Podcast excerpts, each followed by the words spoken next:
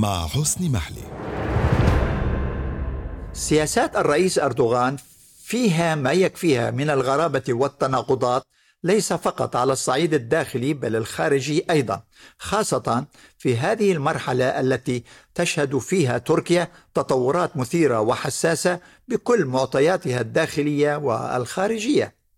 فالجميع يتذكر كيف أن الرئيس أردوغان الذي هدد وتوعد حكام الإمارات والكيان الصهيوني والسعودية ومصر وقال عنهم ما لا يقال في العرف السياسي والدبلوماسي عاد وتوسل إليهم كي يصالحونه بعد أن تبين له أن المنطقة مقبلة على سلسلة من التحولات المهمة التي بدأت بعد ما يسمى بالاتفاقية الإبراهيمية وهي نتاج لما يسمى بالربيع العربي الدموي.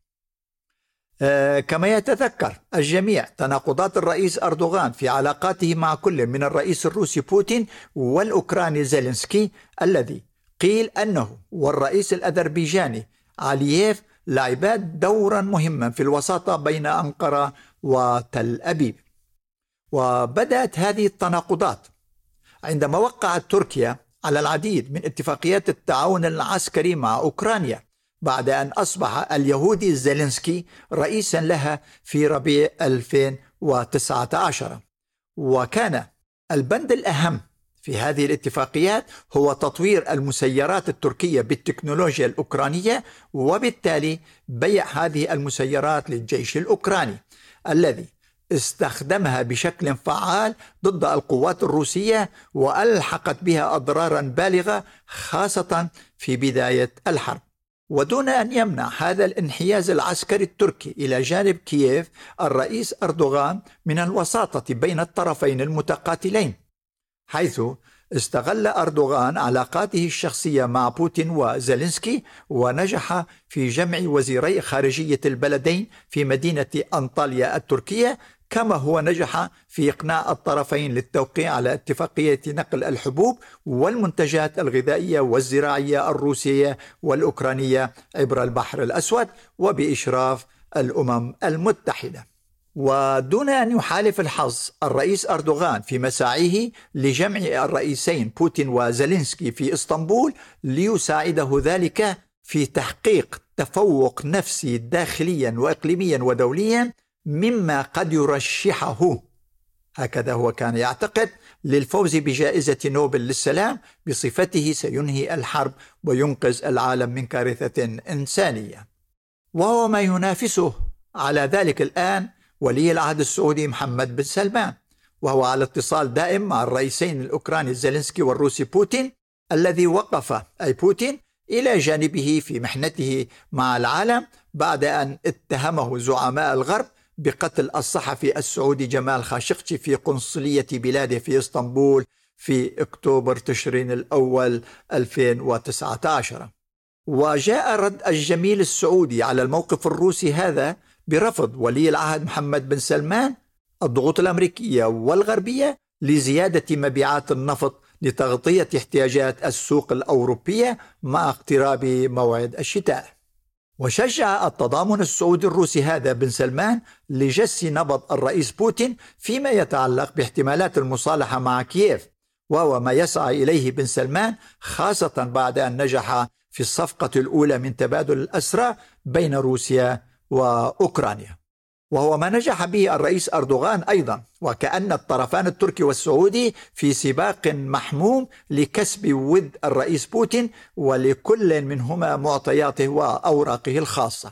وربما لهذا السبب أرسل أردوغان مستشاره والمتحدث باسمه إبراهيم قلن فجأة إلى جدة ليلتقي محمد بن سلمان ويبحث معه العديد من القضايا ذات الاهتمام المشترك وقد يكون التنسيق والعمل المشترك في موضوع أوكرانيا من بين هذه المواضيع وإلى جانب مواضيع أخرى وفي مقدمتها دون شك الوضع في سوريا والعراق. هذا بالطبع إذا تجاهلنا مساعي أردوغان للحصول على مساعدات مالية عاجلة من الرياض وهو ما يفسر مرافقة وزير المالية التركي لمستشار أردوغان إبراهيم كلن في زيارته إلى جدة.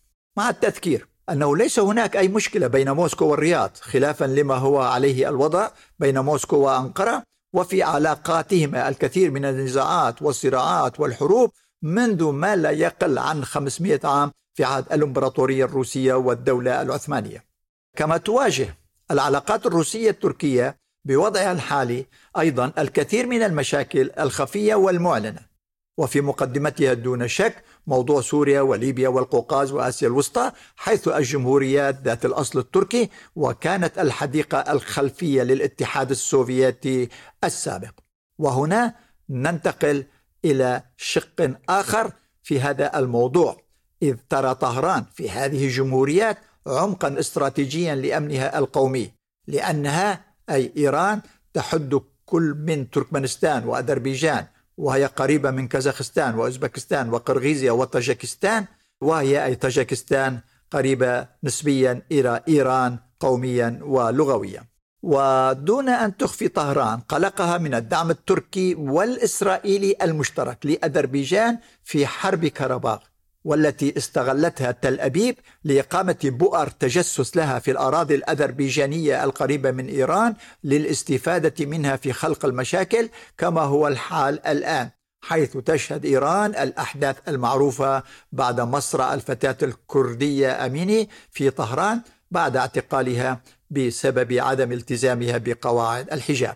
وهو الموضوع الذي استغلته بؤر التآمر لتفجير الوضع الأمني في إيران برمتها خاصة بعد أن نجحت المسيرات الإيرانية. التوقيت هنا مهم خاصة بعد أن نجحت المسيرات الإيرانية التي أرسلتها طهران إلى روسيا في تحقيق التوازن لصالح الجيش الروسي مقابل المسيرات التركية والأمريكية التي ترسلها أنقرة وواشنطن إلى كييف. وترى بعض الأوساط في هذه المنافسة التركية الإيرانية عنصرا جديدا. قد يدفع الرئيس أردوغان لمزيد من الانفتاح على دول المنطقة والتي تعيش أزماتها وخلافاتها مع طهران وبشكل خاص الكيان الصهيوني الذي خصص الرئيس أردوغان معظم أوقاته في نيويورك للقاء رئيس وزرائه وقادة اللوبيات اليهودية والحركات الصهيونية. فقد اجتمع أردوغان في جلسة سرية مع قيادات حوالي خمسين من منظمات اللوبي اليهودي الأمريكي وقيل أنهم صفقوا له تصفيقا حارا بسبب خطابه العقائدي أي الديني وحديثه عن الروابط التاريخية المتينة بين اليهود والدولة العثمانية. ويتصرف أردوغان وكأنه هو وريث هذه الدولة. كما اجتمع أردوغان بعد ذلك على انفراد مع رئيس المؤتمر اليهودي العالمي رونالد لودر وبحث معه مجمل التفاصيل الخاصة بمستقبل العلاقات التركية الإسرائيلية. وقيل أنه أي أردوغان طلب من لودر أن يتوسط بينه وبين الرئيس بايدن الذي لم يلتقي بأردوغان. وربما السبب أن العلاقات ما زالت فاترة بين الطرفين لأسباب عديدة وأهمها استمرار علاقات أردوغان مع إيران وروسيا على الرغم من عضوية تركيا في الحلف الأطلسي. هو الغريب في الموضوع أن لهذا الحلف في تركيا العشرات من القواعد العسكرية ولكن أهمها قاعدة إنجرليك القريبة من سوريا والعراق وفيها خمسين قنبلة نووية. وكذلك قاعدة ملاطيا ومهمة هذه القاعدة الأساسية هي التجسس على كل التحركات والفعاليات العسكرية الإيرانية. والأهم من كل ذلك هو رصد الصواريخ الإيرانية في حال إطلاقها صوب الكيان الصهيوني وإبلاغ تل أبيب بهذه الصواريخ حتى يتسنى لها التصدي لها قبل وصولها إلى أهدافها. باختصار هذا هو حال سياسات وحسابات الرئيس أردوغان الذي يراهن دائما على الموقع الاستراتيجي لبلاده طالما هي تسيطر على مضايق البحر الأسود الاستراتيجي بالنسبة لروسيا ويبدو أنها أي روسيا تسعى بدورها لتطوير تحالفاتها مع إيران المجاورة لتركيا والعراق. كما لها أي إيران تواجد فعال في سوريا والعراق ولبنان واليمن وكلها ضمن الاهتمام التركي بعد مصالحة الرئيس أردوغان مع الإمارات والسعودية والبحرين. والأهم من كل ذلك الكيان الصهيوني المستفيد الأكبر من تطورات السنوات العشرة الأخيرة. وكان أردوغان اللاعب الرئيسي ومعه أنظمة الخليج التي عاداها لفترة ما ثم عاد وصالحها وفق متطلبات مسرحية المضحك المبكي ولكل فيها دوره ومنه الدائم ومنه المؤقت. وكل ذلك حسب الزمان والمكان. وهو ما كان عليه الوضع عندما قطعت السعودية والإمارات والبحرين ومصر علاقاتها مع الدوحة فأرسل أردوغان جيشه لحمايتها. ثم شاء القدر أي قدر لا ندري للجميع أن يتصالحوا بتوجيهات إن لم نقل تعليمات أو أوامر الرئيس ترامب. فأكمل بايدن الطريق وكلهم في خدمة الكيان الصهيوني. ويعرف الجميع أن همه الوحيد هو إيران والتي يتآمر عليها الجميع في الإقليم وخارجه لأنها مصدر الرعب الحقيقي لتل أبيب وحلفائها. وإلى اللقاء. في الحلقة القادمة لنستمر في الحديث عن قصص الأناضول وجوارها وهي جميعا مهد كل الأديان والحضارات التي يغار منها الغرب ويحسدها فسعى ويسعى لتدميرها بأيدي عملائه وهم ومع الأسف كثر ولكن دون فائدة.